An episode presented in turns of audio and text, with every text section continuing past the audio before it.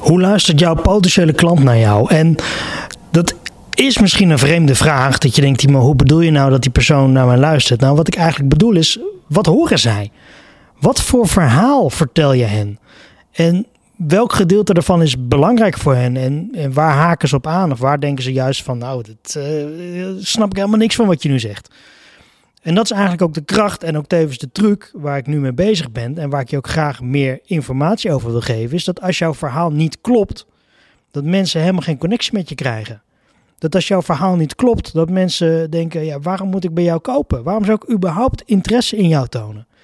En het lijkt heel logisch, hè? Het lijkt heel logisch en je ziet ook heel veel bedrijven dat doen. Hè? Ze roepen allemaal wat ze doen, wat ze kunnen. We helpen je bij het verkopen van je huis. Uh, je krijgt 20% korting als je nu klant wordt. Uh, het is drie halen, twee betalen. En voor sommige producten werkt dat prima. Hè? Laat ik dat erbij zeggen. Bepaalde merkproducten. Hè? Stel je bent fan van een bepaald merk sokken. En die sokken zijn in de aanbieding. Dan weet jij dat die sokken de moeite waard zijn. En als dat een aanbieding is, dat je ze wel koopt. Maar dat komt niet door het bedrijf die ze verkoopt. Dat komt door het merk. Door het merk van die sokken. Hetzelfde met schoenen. Hetzelfde met, uh, uh, weet ik wat, eten, drinken, uh, vliegvakanties, weet ik het. Vaak komt het niet door de partij die het verkoopt, als het een bestaand product is. Dan komt het door degene die het product fabriceert. Maar hoe doe je dit nou met je bedrijf? Want met je bedrijf ja, produceer je misschien helemaal niks. Ben je helemaal geen fabrikant en lever je een product of een dienst. Misschien zit je wel in de schoonmaak, misschien zit je wel in de, in de auto-onderhoud, misschien ben je wel een, een consultancy club of een administratiekantoor of weet ik het. Nou ja, mocht je ergens in die hoek zitten, ja, dan heb ik wel een goed verhaal voor je. Want uh, ik ga het niet hebben over merkproducten, hoe je het beste je merkproduct kan verkopen. Ik ga het vooral hebben over hoe kan je als ondernemer of als bedrijf zorgen dat je zichtbaar bent. En dat je dus niet een tekst begint met: Hey, wil jij je huis verkopen? Kom dan nu bij ons. Want daar zit niet de kracht. De kracht zit in een goed verhaal. En een goed verhaal, dat kan jij alleen maken. En een goed verhaal spreekt de potentiële koper aan. En een potentiële koper aanspreken is eigenlijk helemaal niet moeilijk. Hè? Er zijn vier hele simpele methodes voor. Je hebt vier fases eigenlijk die je doorloopt om te komen van... Hoi, ik, hallo, ik ben er, nieuw, hoi. Tot, ah ja, ja, ik snap helemaal wat je zegt. En ik weet ook echt wel iemand voor jou om bij jou te komen om klant te worden om iets te kopen, om iets te bestellen, om een offerte aan te vragen, om een gesprek aan te vragen. Weet ik veel wat jouw call to action is. En dat ga ik dus ook in deze aflevering met je doornemen. En mocht je de podcast luisteren, geen probleem. Ik ga niks uh, bijzonders op het whiteboard eventueel schrijven. Mocht je de video kijken, top. Je kan ook gewoon alleen luisteren. En altijd als het iets opschrijf, zeg ik er ook altijd even bij. Ik schrijf nu dit op het bord. Of, hè, en dan probeer ik even tekst en uitleg te geven. Omdat ik ook vaak terugkrijg dat ik heel wat mensen op de podcast heb in plaats van alleen op de video. En ik pak nog even snel een berichtje erbij. Want ik kreeg van de week een berichtje van. Moet ik even uit mijn hoofd doen. Volgens mij Marco. Uh, even kijken hoor. Ik zoek het even snel op. En het leuke is daarvan. Kijk, hoe heb ik hem hier? Ja, Marco die stuurde mij een berichtje. En die zei: uh, Ik luister nu je podcast. En ik luister van zijn begin tot eind. Ik vind het heel interessant. Ik ga ze allemaal luisteren. Maar een beetje feedback. En die vond ik mooi. Want hij gaf mij een beetje feedback. Hij zegt, dat kan geen kwaad, toch? Hij zegt, ik luister heel veel podcast. Uh, ook van andere bekende mensen. Maar je kunt er nog steeds heel veel op vooruit gaan. En buiten, hè, er bovenuit springen. Met een goede podcast. Als je goed geluid regelt. Nou, eigenlijk heb ik dus ook een beetje op, ja, suggestie en tip van Marco heb ik ja, een aantal aankopen gedaan. Zoals een, een, een of ander kastje. Hij gaf me een link van een kastje, dat moest ik kopen. Nou, daar kreeg ik betere audio door. Deze microfoon had ik al. Alleen ja, heel alle eerlijkheid, ik wist niet hoe ik hem moest gebruiken. Nou, heeft Marco me een paar tips voor gegeven. Hij heeft ook nog een paar tips gegeven om de ruimte anders in te richten, aan te kleden, zodat het wat meer dempt, waardoor de audio ook beter tot zijn recht komt. Um, dus uh, nou, in ieder geval bedankt voor die tips, Marco. Mocht je deze aflevering een keer zien. Um, maar dat geldt natuurlijk ook voor jou als luisteraar. Op het moment dat je denkt: hey Timo, je legt dit niet duidelijk uit. Of uh, af en toe versta ik je niet goed. Of uh, kan je eens wat meer de diepte ingaan over X, Y, Z, weet ik het geef het gewoon terug. Hè? Want als ik het terugkrijg, kan ik het verbeteren. Als ik niks hoor, kan ik het ook niet verbeteren. Dus voel je vooral niet bezwaard. Denk vooral niet dat ik denk, nou, ik weet het allemaal wel, dus ik heb jouw tips en feedback niet nodig. Als er iets is waarvan je denkt, hé, hey, dat kan anders of dat kan beter of dat is onduidelijk, gooi het gewoon naar me toe. zet het even op de mail, gooi het in, een, in een, een, een direct message op social en dan ga ik daar zeker eh, naar kijken. Uh, en als ik dat kan oplossen, ja, dan ga ik dat natuurlijk voor je oplossen. Uh, maar even terugkomend, in deze aflevering gaan we dus vooral eventjes inhaken op je verhaal. En, en ook deze periode, terwijl ik deze podcast opneem, is mijn social media content daar ook op gericht. Dus als je deze aflevering uh, ziet, hoort, kijkt, dan weet je ook dat mijn social media kanalen een beetje in dezelfde trant nu zitten. En dat is hoe vorm jij je verhaal? En jouw verhaal vormen zou ik ten eerste altijd doen vanuit de gedachtens van jouw koper, jouw potentiële koper. Niet vanuit jezelf. Want er zitten een paar nadelen aan op het moment dat jij een verhaal vanuit jezelf gaat bedenken, je verkoopverhaal. Dan krijg je bijvoorbeeld een tekst als: uh, kies nu voor ons fit-programma van acht weken. Als ik die tekst nu al eruit gooi, dan hoor jij zelf toch ook wel, daar heb ik helemaal geen connectie mee. Nou, precies dat. Dat wil jij niet. Dat wil jouw koper niet en ik wil dat eigenlijk ook niet. Dus wat je wilt bijvoorbeeld op zo'n moment is die persoon aanspreken op de problemen die zij ervaren. En dat kan bijvoorbeeld zijn dat die persoon vreedbuien heeft. Nou, dan zou je dus veel beter kunnen zeggen: ik help jou van je vreedbuien af. Of misschien is die persoon wel vaak buiten adem. Of weet jij van jouw doelgroep dat ze vaak buiten adem zijn? Want dat is een van de signalen als je niet fit genoeg bent. Dus wij zorgen ervoor dat jij de trappen op en af kan rennen en daarna ook nog gewoon mee kan voetballen met de kinderen. Ik noem maar iets, hè. Dat is een tekst die spreekt veel meer tot de verbeelding als dat je zegt, we hebben nu uh, drie fitprogramma's, A, B en C. En met B, ja, dan doe je 12 weken erover. En met A doe je er 8 weken over. En met C doe je er 24 weken over.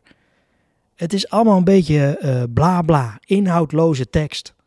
Het maakt niet warm, het wekt geen uh, verbeelding, het, het wekt geen. Het wekt helemaal niks op. En ik hoop dat je dat ook ziet op het moment dat je zelf ergens een aankoop wilt gaan doen. Of dat je een advertentie voorbij ziet komen van iemand. Dat je denkt, wat zeg je nou eigenlijk? Wat staat hier nou eigenlijk? Ik raak hier niet door getriggerd. Ik raak hier niet...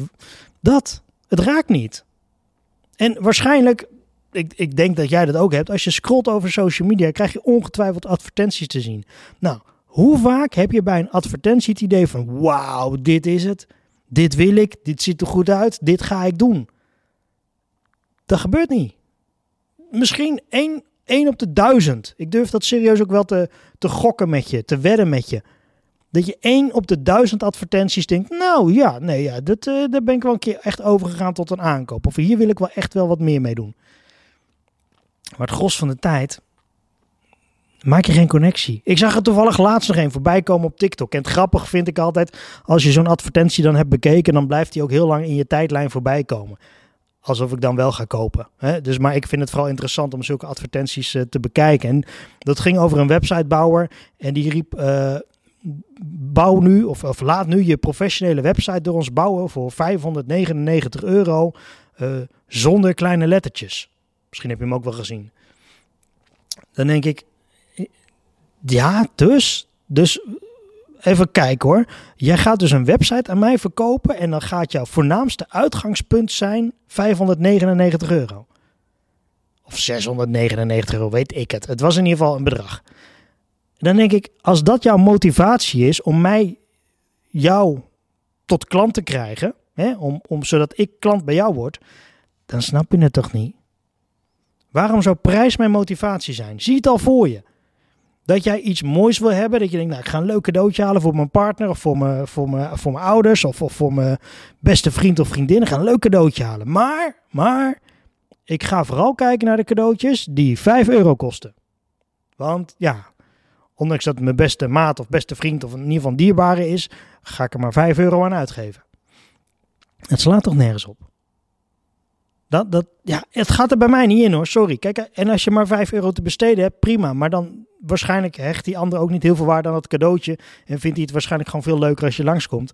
Maar die 5 euro, hetzelfde met zo'n website, 599 euro. Dan denk ik, ja maar wat krijg ik dan? Bij wie koop ik dan? Waarom moet ik bij jullie kopen? Waarom zou überhaupt de prijs een discussiepunt zijn op het moment dat ik nog niet eens interesse heb in jullie producten of diensten?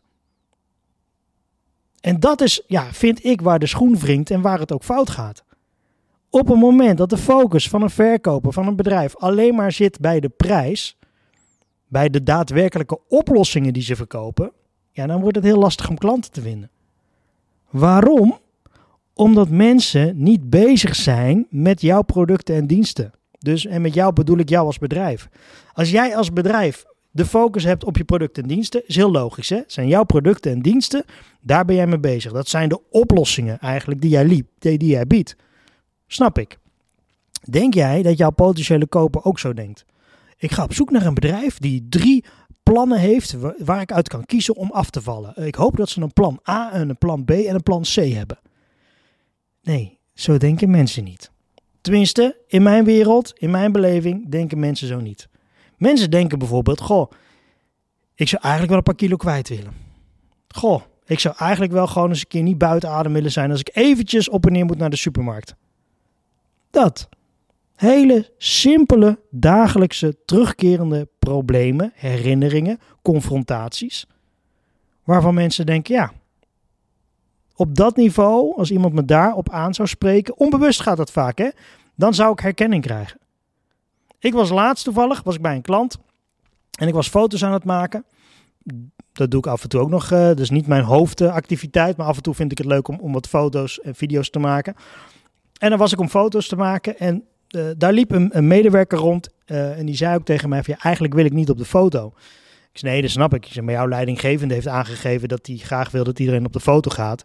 Uh, eventjes een, een portretfotootje en eventjes een foto terwijl je bezig bent. Dus ja, ik ja, ik moet dat eigenlijk wel doen. En als je het niet wilt, moet je het even overleggen met je leidinggevende. Uh, waarop die persoon zei, nou weet je wat, maakt me ook niet uit, maak me gewoon die foto's. Ik zei, nou helemaal goed. Dus ik die foto's maken. En op een gegeven moment was ik klaar. En mijn beleving, hè, het zal wel aan mij liggen, zaten er echt hele leuke foto's tussen. Echt, ik denk, nou, dat is leuke foto, leuke foto. Nou, deze is niet zo scherp, deze is niet zo mooi. Dus ik zei op een gegeven moment tegen haar van, kijk even met me mee. Want dan verwijder ik meteen de foto's die niet leuk zijn. Want anders moet ik dat straks allemaal op kantoor doen. Ik zeg, dan doe ik altijd liever meteen op locatie. Want dan ja, heb je niet zo heel veel foto's die je nog moet na nalopen. Dus ik kijk met haar, naar haar die foto's. En zij zegt op het moment dat ze een paar foto's ziet van... Oh nee, die is oh vreselijk. Oh, oh. Nou, wat een dikke kop heb ik daar. Oh, wat een onderkin. En dan denk ik ten eerste... Uh, jij vindt dat je een dikke kop hebt. Hè? Dat is niet gezegd dat dat ook zo is. En ten tweede, de meeste mensen hebben een onderkin. Sorry dat ik het zeg, maar dat is toch zo. En daarbij, jij loopt de hele dag zo rond. Heb je thuis geen spiegel? Dat bedoel ik niet lelijk, maar dan denk ik, je ziet toch wat anderen zien. Maar blijkbaar ziet zij niet goed, hè, totdat ze op een gegeven moment een paar foto's vanuit een paar andere hoeken krijgt van zichzelf, wat anderen zien. En haar reactie daarop was ook, oh, ik moet hier echt wat aan gaan doen. Ik moet echt weer eens wat vaker gaan sporten. Dat is grappig, hè? Dus die persoon ziet op dat moment eigenlijk vooral wat anderen zien als ze naar haar kijken. Daar viel ze over in mijn beleving. En dat was haar motivatie om te gaan zeggen: ik moet weer eens gaan sporten. En de grap is natuurlijk in dit hele verhaal dat zij dus totaal niet bezig is geweest met: ik moet naar een sportschool, ik moet een, uh, een abonnement kiezen, ik moet, uh, uh, weet ik wat, vier keer in de week een, een, coach hebben die me gaat helpen. En ik nee, zij was vooral bezig met: oké, ik zie er zo uit. Dat betekent dus dat ik eigenlijk ja, iets moet gaan doen. Ik moet actie gaan ondernemen. Dus ik gooi dan als eerste sporter erin. Nou, dat kan.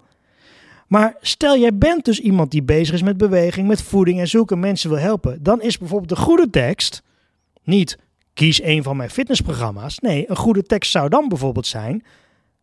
Wil je ook van die onderkin af? Of van die dubbele onderkinnen af? Snap je? Vind je dat je een dikke kop hebt? Dat. En dat is misschien confronterend. En dat kan ook zijn omdat het toevallig een confronterend onderwerp is. Hè? Uiterlijk, mensen, lichaam, onzekerheid. Maar daar komt het wel op neer, hè? Als we het over een auto gaan hebben en we vergelijken een persoon uh, eventjes gewoon hè, eventjes naar een auto toe en er zit een deukje in een auto of een kras of de lak is niet meer, hè, dan kan je die referentie misschien beter maken. Dat je denkt, oh ja, heb je een doffe lak? Ja, ja, heb ik wel. Dat. Ziet jouw auto er ook niet meer showroom uh, uh, uh, presentatie klaar uit. Uh, alsof die net uit de showroom komt. Mis jij ook die mooie showroomkleur van je auto? Hè? Dat zou een mooie tekst zijn. Mis jij die mooie showroomkleur van je auto? Ja, mis ik wel een beetje.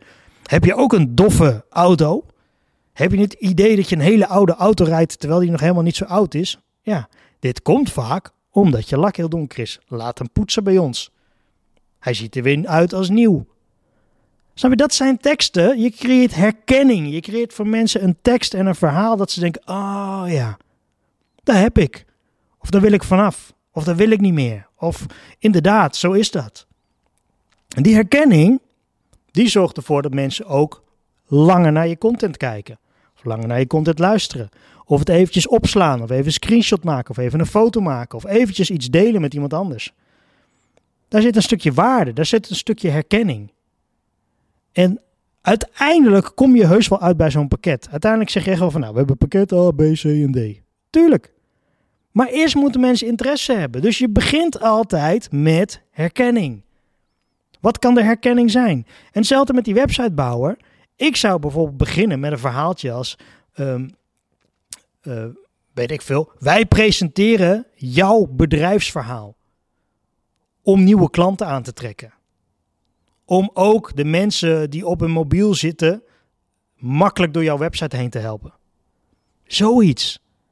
Snap je dat mensen in een paar stapjes denken: oh ja, mijn bedrijfsverhaal, daar gaat het om. Het gaat me niet om die 599 euro. Ik wil mijn bedrijfsverhaal vertellen. Ik wil mijn filosofie delen. Ik wil mijn uh, producten en diensten presenteren aan de wereld. Ik wil dat als mensen geïnteresseerd zijn en ze naar mij gaan zoeken, dat ze bij mij uitkomen en op een website komen en denken: hé, hey, ja, oh, dat ziet er wel goed uit. Oh, hier kan ik wel wat mee. Oh, ik wil wel een aanvraag doen. We zorgen dat die call to action klopt. dat, die, dat die button daar staat. Maar dat kan je allemaal uitleggen in een vervolggesprek. En als die persoon dan vervolgens zegt, nou, ik wil dit, dit, dit en dit. En zeggen, nou, oké, dat is goed. Dat zijn zes modules, uh, bla, bla, bla. Dit komt erbij, dat kan er vanaf. Dit heb je niet nodig. Nou, dan komen we eigenlijk op dit bedrag. En dat is 599 euro zonder kleine lettertjes. Of 5099 zonder kleine lettertjes. Weet ik het. Want die prijs, ik geloof niet dat de prijs altijd het belangrijkste is. Ik geloof erin dat de prijs iets is wat in verhouding moet staan tot wat je levert. Dat heeft niks te maken met het budget van de klant. Want op het moment dat jij laat zien, dit krijg je en dit kost het, is het aan die klant om te zeggen, ja oké, maar ik heb dat eigenlijk niet nodig, dus wat gaat er dan van de prijs af? In plaats van ik heb 500 euro en ik heb wel voor 5000 euro aan wensen. Dat is niet reëel. Jij kan het er niet voor leveren. Je kan ook geen service achteraf leveren. Die klant krijgt waarschijnlijk rommel. Uh, met alle respect natuurlijk. Omdat je eigenlijk niet de, de, middelen hebt om een hoge goede kwaliteit te leveren.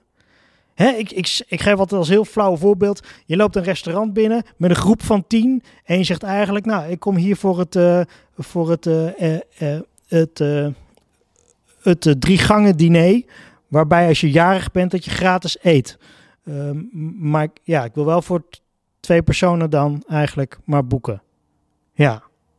Ja, precies. Dus je wil eigenlijk één persoon drie gangen betalen. Dan kom je met z'n tweeën, want jij bent jarig. Ja. Maar eigenlijk sta je met een groep van tien man voor de deur. Ja. Ja, en die willen dan eigenlijk allemaal mee eten. Ja. Nee, nee, dan als je het zo uitlegt klinkt het heel logisch. Dat is het toch niet? Snap je? hou het reëel, hè? Hou het reëel. Je kan niet meer leveren dan dat je aan capaciteit hebt. Dat is toch heel simpel? Als, als iemand één boek bestelt, dan kan hij toch ook niet daarna een klacht sturen en zeggen: Nou ja, ik had één boek besteld, maar ik mis nog negen boeken. Want jullie hebben toch een boekenwinkel, lever mij meer boeken. Uh, Nee, sorry, zo werkt het niet. Je bestelt één boek en dat boek kost X en dat boek hebben we geleverd. Punt. Ben je niet tevreden? Stuur het, stuur je, stuur het boek terug, krijg je geld terug. Dat is het toch? En dat is hetzelfde met jouw dienstverlening iemand kan wel zeggen, ja, ik heb er max zoveel aan over. Ja, oké, prima. Nou, dit is mijn rekenmodel. Uh, en als jij, uh, weet ik wat, nog drie keer klant bij mij bent, of je brengt een paar nieuwe klanten aan, of je doet een derde orde plaatsen, dan wil ik je best eens een keer mats of tegemoet komen of iets extra's geven. Maar tot die tijd heb ik ook gewoon mijn rekeningen te betalen. In andere woorden, als ik op voorhand jou al korting ga geven zonder dat je überhaupt credits bij mij hebt opgebouwd, dan wil dat dus zeggen dat ik eigenlijk te duur was. En dat ben jij niet. Je bent niet te duur. Als jij een goede service wil leveren, een goede dienstverlening wil leveren, als jij wilt dat mensen tevreden kunnen zijn en dat jij kwaliteit kan leveren, dan heb je gewoon een prijs. En misschien, want ik spreek genoeg ondernemers, misschien is jouw prijs wel te laag. Ik zei het van de week nog tegen iemand. Die zit in de onderhoud van houten vloeren. En die zei zelf al, oh, ik heb echt te veel geld gerekend aan die klant. Dus ik keek naar die offerte. Ik zeg, sorry hoor. Ik zeg, maar als jij dit hebt gerekend voor al dat werk waar jij drie dagen over hebt gedaan, hebt gedaan. Ik zeg, nou, dan ben je nog steeds te goedkoop. Sterker nog, die mensen zijn zo blij met die nieuwe vloer, hè, met het onderhoud van die vloer. Het staat in het niets. Die mensen hebben plezier, woonplezier, leefcomfort van die vloer. Die vloer die gaat weer jaren mee. Dus je bent niet te duur. In je hoofd denk je dat je te duur bent, maar dat ben je niet. En dan komen we ook weer uit bij, zoek die klanten die bij je passen. Zoek die ideale klant. Zorg ervoor dat je dus een goed verhaal hebt. En dat goede verhaal moet mensen aanspreken die ook binnen jouw ja, doelgroep passen. Waarvan je denkt, hé, hey, maar dit past bij mij. Dit zijn leuke mensen. Dit zijn leuke klanten. Dit is een groep waar ik wil, voor wil werken. En niet de groep die elke keer zegt, nou, oh, oh hij moet wel op rekening. Hij moet wel een beetje korting. En dan vervolgens heb je alles gedaan en dan betalen ze ook de rekening niet. Moet je daar weer drie keer achteraan om te herinneren. Is er allemaal stress, is er allemaal irritatie, is er allemaal frustratie die je helemaal niet wil hebben. En er zijn genoeg leuke klanten, hè. Laten we daar geen misverstand over krijgen. Hè? Er zijn voor elk product en dienst zijn er genoeg leuke klanten, maar je moet ze wel even ontdekken. Dus hoe helderder jij jouw verhaal hebt, hoe beter jij weet aan wie je het wil verkopen, hoe makkelijker het wordt. Als jij zwembroeken wil gaan verkopen op de Noordpool, wens ik je heel veel succes. Snap je? Dat heeft geen zin. Maar misschien is het nu wel het geval dat jij gewoon in zwaar weer tegen alle, weet ik wat, tegen alle moeite en, en, en irritatie en weet ik wat en alle stress eigenlijk gewoon zwembroeken aan het verkopen bent op de Noordpool. Terwijl dat als je misschien eventjes een stapje terug doet en eventjes gaat denken van oké, wat ben ik nou eigenlijk aan het doen? Aan wie sta ik het nou te verkopen? Nou, dan heb je uiteindelijk zo'n Eskibo of weet ik voor wat, zo'n zo'n Noordpoolbewoner, heb je iets verkocht. En die komt dan een paar weken of een paar dagen later terug en die zegt, nou ja, nee, ja, het is eigenlijk toch niet mijn model. Die heeft hem uit de verpakking gehaald, die heeft hem al een keertje aangehad. Nee, ja, ik eigenlijk toch mijn geld terug. Heb je eigenlijk ook nog een zeurende klant. Zo kan je toch niet leven? Je kan toch niet leven van, van de klanten die eigenlijk alleen maar bloed onder je nagels vandaan halen en je eigenlijk alleen maar zitten te irriteren. Dat je denkt, ja, maar dit wil ik helemaal niet. Dat heeft toch helemaal geen zin?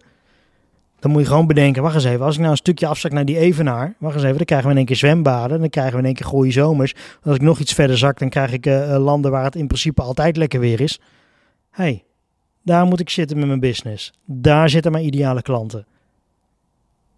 En dan moet je een goed verhaal hebben. Als jij een goed verhaal hebt, dan kan je het goed verkopen.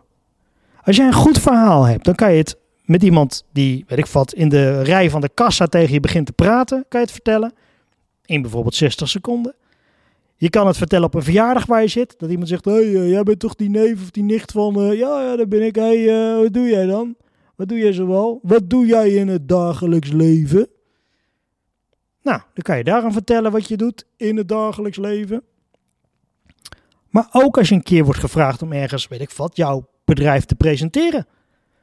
Misschien op een beurs, misschien op een evenement, misschien bij een nieuwe klant. Misschien dat jouw collega of jouw bedrijfsleider of jouw medewerker een keer zegt: Joh, we zijn uitgenodigd om hier of daar uh, te presenteren. Wil jij dat doen? Dat je dan gewoon kan zeggen: Natuurlijk, geen probleem. Hoe lang hebben we? 20 minuten? Is goed, 20 minuten. Drie kwartier? Ook geen probleem. Doe ik het in drie kwartier. Maar dan moet je een goed verhaal hebben. Je moet een goed verhaal hebben waar mensen naar willen luisteren en denken: hé, hey, dat klinkt goed. Daar kan ik wel wat mee. Of hé, hey, dat klinkt goed, is niks voor mij, maar mijn partner, daar zit wel wat voor. Want ik hoor het, ik zie het, ik begrijp je. Ik, ik hoor in jouw verhaal dat jij begrijpt waar jouw klanten mee zitten. Ik begrijp ook hoe je het oplost. En, en een simpel voorbeeld is gewoon, begin met die problemen. En, en, een kort verhaal, dat is, noemen ze ook wel de elevator pitch. Misschien ken je dat wel, die term, die uitdrukking. Dat is gewoon heel kort en bondig. Maar die elevator pitch kan je op duizenden manieren doen. En ik stel altijd voor, doe het volgens de vier ja, onderdelen, de vier stappen. En stap 1 is, zorg ervoor dat mensen herkenning krijgen. Dat ze denken, hé, hey, jij begrijpt mij. Jij begrijpt mij. Ik probeer bijvoorbeeld ook aan te geven bij mensen veel. Ik vond in het begin uh, altijd super eng om voor een groep te praten. Ik was altijd bang dat ik me versprak. Ik had altijd moeite om voor een groep te staan. En door zulke dingen te noemen, hè, dit is dan vooral een beetje op het spreken gebaseerd, hebben mensen iets van, oh ja, ik had het, het, de angst dat ik verkeerde dingen zei. Oh ja, ja, dat ken ik wel. Ik dacht altijd als ik maar genoeg eh, PowerPoint slides eh, meenam, dat mijn verhaal wat duidelijk was. Ja, ja, dat, ja, ik heb wel een PowerPoint nodig, anders durf ik niet te presenteren. Dus mensen gaan knikken. Ja, inderdaad, Timo. Ja, ja, ja dat heb ik ook. En natuurlijk ook wel eens mensen zeggen: nee, nee, dat heb ik eigenlijk niet, want ik uh, doe eigenlijk alles zonder PowerPoint. Oh, waarom doe je alles zonder PowerPoint? Ja, meestal werken die dingen niet. Heeft ook te maken met voorbereiding, hè? Met een goede presentatie. kan maar zo zijn dat je niet een hele PowerPoint moet doen. Maar je gewoon zegt, nou, ik heb altijd vier slides. Want op die vier slides, op de een staat een diagram. Op de ander staat mijn aanbieding. En op weer eentje staat een foto van een project dat ik heb geleverd. Ik heb gewoon drie slides bij me. En een eindslide met mijn contactgegevens. Dat kan ook, hè? Als dat bij jouw goede verhaal hoort, dan doe je dat. Maar in de basis, ik begrijp dat je misschien nu afvraagt, joh Timo, wat zijn dan die vier onderdelen? In de basis hebben we vier onderdelen nog. Ik ga ze nu eventjes toelichten en dan hoop ik dat je daar weer verder mee kan. Onderdeel 1 heb ik net eigenlijk al uitgebreid toegelicht. Dat is maak een connectie. Zorg dat je herkenning creëert. Zorg dat iemand denkt, hé, hey, jij snapt mij. Dat verhaal spreekt me aan. Iets simpels als, hey, ken je die uh, bushokjesposters uh, die altijd in een bushokje hangen? Ja, ja, ja, ja, die ken ik. Dat is herkenning, ja. Mensen snappen waar je het over hebt. Dat doen wij alleen dan in stadions. Oh, oké. Is veel duidelijker als je zegt, ja, we doen de billboardreclame in stadions. Uh, oké, en dan langs het veld of, of in de, snap je?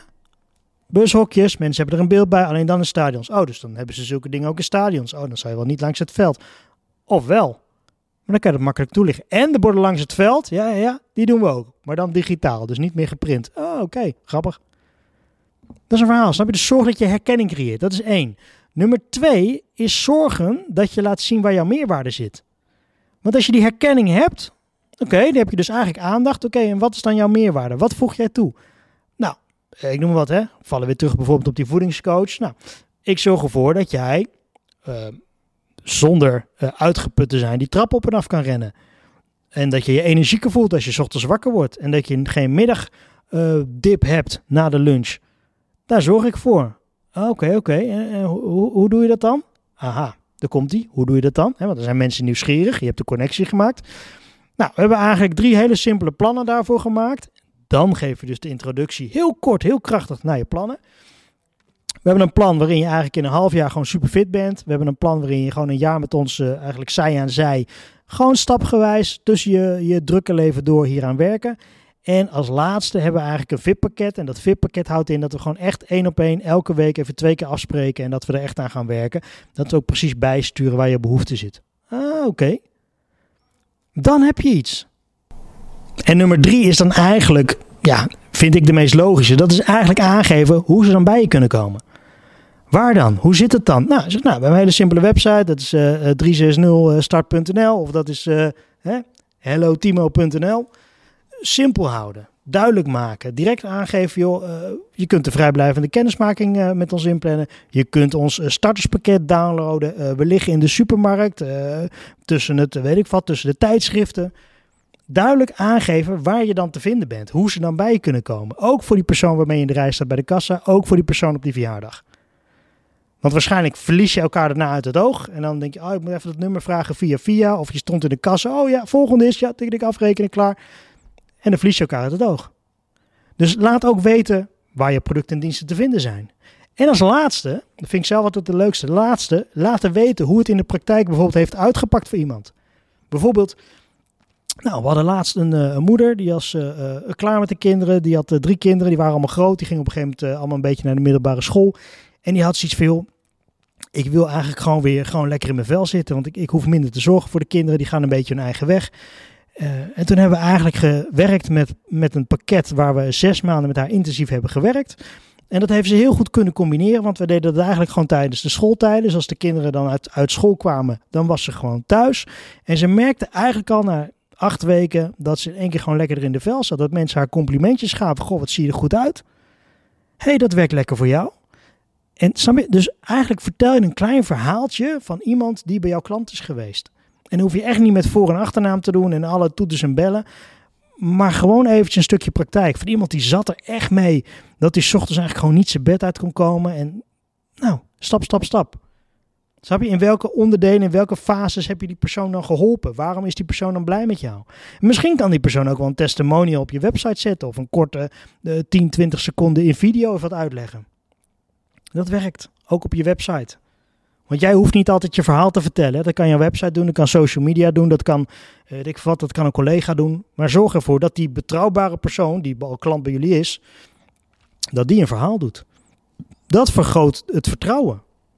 De betrouwbaarheid. De twijfel kan die eventueel wegnemen als mensen denken, ja, je zegt dat nu wel zo leuk, maar oh, wacht, hey, iemand anders zegt dat ook. hey, oh, voor, halverwege, nou, oh, dat ziet er, dat. Gewoon bewijs. Dat is heel simpel, toch? Daarom staan ook de prijzen bij de producten in de supermarkt, hè? Als ze aan het begin van de ingang zouden zeggen, nee, joh, vertrouw ons maar, al die prijzen kloppen wel. Uh, ja, wat jij denkt dat het ongeveer kost, dat kost het wel. Echt? Nee, natuurlijk niet. Hier staat 1,99. Als je dan bij de kassa komt en staat 1,99. denk ik, oh ja, klopt. Hey, dit was in de aanbieding. 1 plus 1 gratis. Oh ja, nee, oké, ik zie het. Het is straf gehaald. Snap je? Gewoon met feiten komen. Gewoon met bewijzen komen. Als je niks te verbergen hebt, wat maakt het dan uit? Dan kun je toch gewoon met feiten komen. Doe dat. Dat zijn de vier onderdelen. Meer is het niet. En als je nou denkt, nou Timo, ik wil eigenlijk wel wat meer weten over dit hele hele vier onderdelen model en wat je eigenlijk allemaal roept. Want het klinkt misschien wel een beetje ergens logisch dat je niet moet gaan roepen: hey, word nu bij ons klant, want wij maken de mooiste tuinen. Maar dat je meer iets moet gaan roepen van: hé, eh, hey, uh, als wij uh, jouw tuin mogen ontwerpen, dan geven we jou een tuin waar je na een drukke dag werken thuis kan komen en lekker tot rust kan komen. Waar jouw kinderen over het gras kunnen rennen zonder dat het gras meteen kapot is. Waar je lekker s'avonds de barbecue aan kan steken of lekker met de ondergaande zon een, een drankje kan drinken op je terras. Veel meer in die beleving, veel meer in die droom, veel meer in die toekomstbeelden, veel meer in die. In plaats van wij maken de perfecte tuin. Als je daar nou meer over wil weten, het is heel simpel hè. Dan ga je naar hellotimo.nl. Hello Timo, vond ik zelf grappig. Hello Timo.nl. En daar vertel ik je nog veel meer erover. Want het is niet moeilijk. Maar één ding heb ik wel geleerd door de jaren heen, want ik ben al meer dan twintig jaar aan het ondernemen, is dat communicatie eh, kan het gewoon succesvol maken of kapot maken. Als je niet goed kan communiceren, dat heb je misschien wel eens meegemaakt in een restaurant. Dat je ergens zit en dat je denkt, nou ja, oké, ik snap niet waarom jij zo bot bent vandaag. Eh, verkeerde ben naar bed gestapt. Of nou, lekker ontvangst was het. Er staat hier een bordje, uh, wacht tot u wordt uh, geplaatst. Of wacht tot u een tafel wordt toegewezen. Nou, dan sta je er tien minuten te wachten. Nou, en op een gegeven moment ga je maar zelf zitten. Oh ja, geen probleem, lekker, welkom. Dat je denkt, ja, communicatie mensen, daar gaat het allemaal om. Denk ik, communicatie. Vandaar ook, hello Timo. Maakt het ook tevens laagdrempelig, ben ik van mening. Dat mensen me aan kunnen spreken. Hallo Timo. Dat je dan een keer hallo zegt, ook goed natuurlijk. Maar het gaat even om het idee. Maak het makkelijk. Maak de communicatie toegankelijk. Praat in de taal van je potentiële kopers en niet in je vaktaal. Hele simpele regels. Wil je er meer over weten? Ga naar hellotimo.nl. Ik dank je weer voor het luisteren, voor het kijken. Als er vragen zijn, als er tips zijn, als je denkt, Timo, dit kan beter, Timo, ik mis dit, gooi het gewoon eventjes naar me toe. Het makkelijkste is per mail, ben ik heel eerlijk in, per mail, want dat krijg ik in principe altijd binnen. Gebruik even het contactformulier op de website van mijn part. Of via Instagram, uh, uh, direct message, hè, via, de, via de chatbox. Dat gaat in principe ook altijd wel goed. Uh, kan een paar dagen duren, snap je. Maar dat krijg ik altijd wel binnen. En dat is het eigenlijk. Heel veel succes. Denk aan de vier onderdelen. Probeer het eens uit. Ga eens denken vanuit je koper, vanuit je klant. En geloof mij, ik denk dat je gaat verbazen met hoe de respons gaat zijn. Heel veel succes!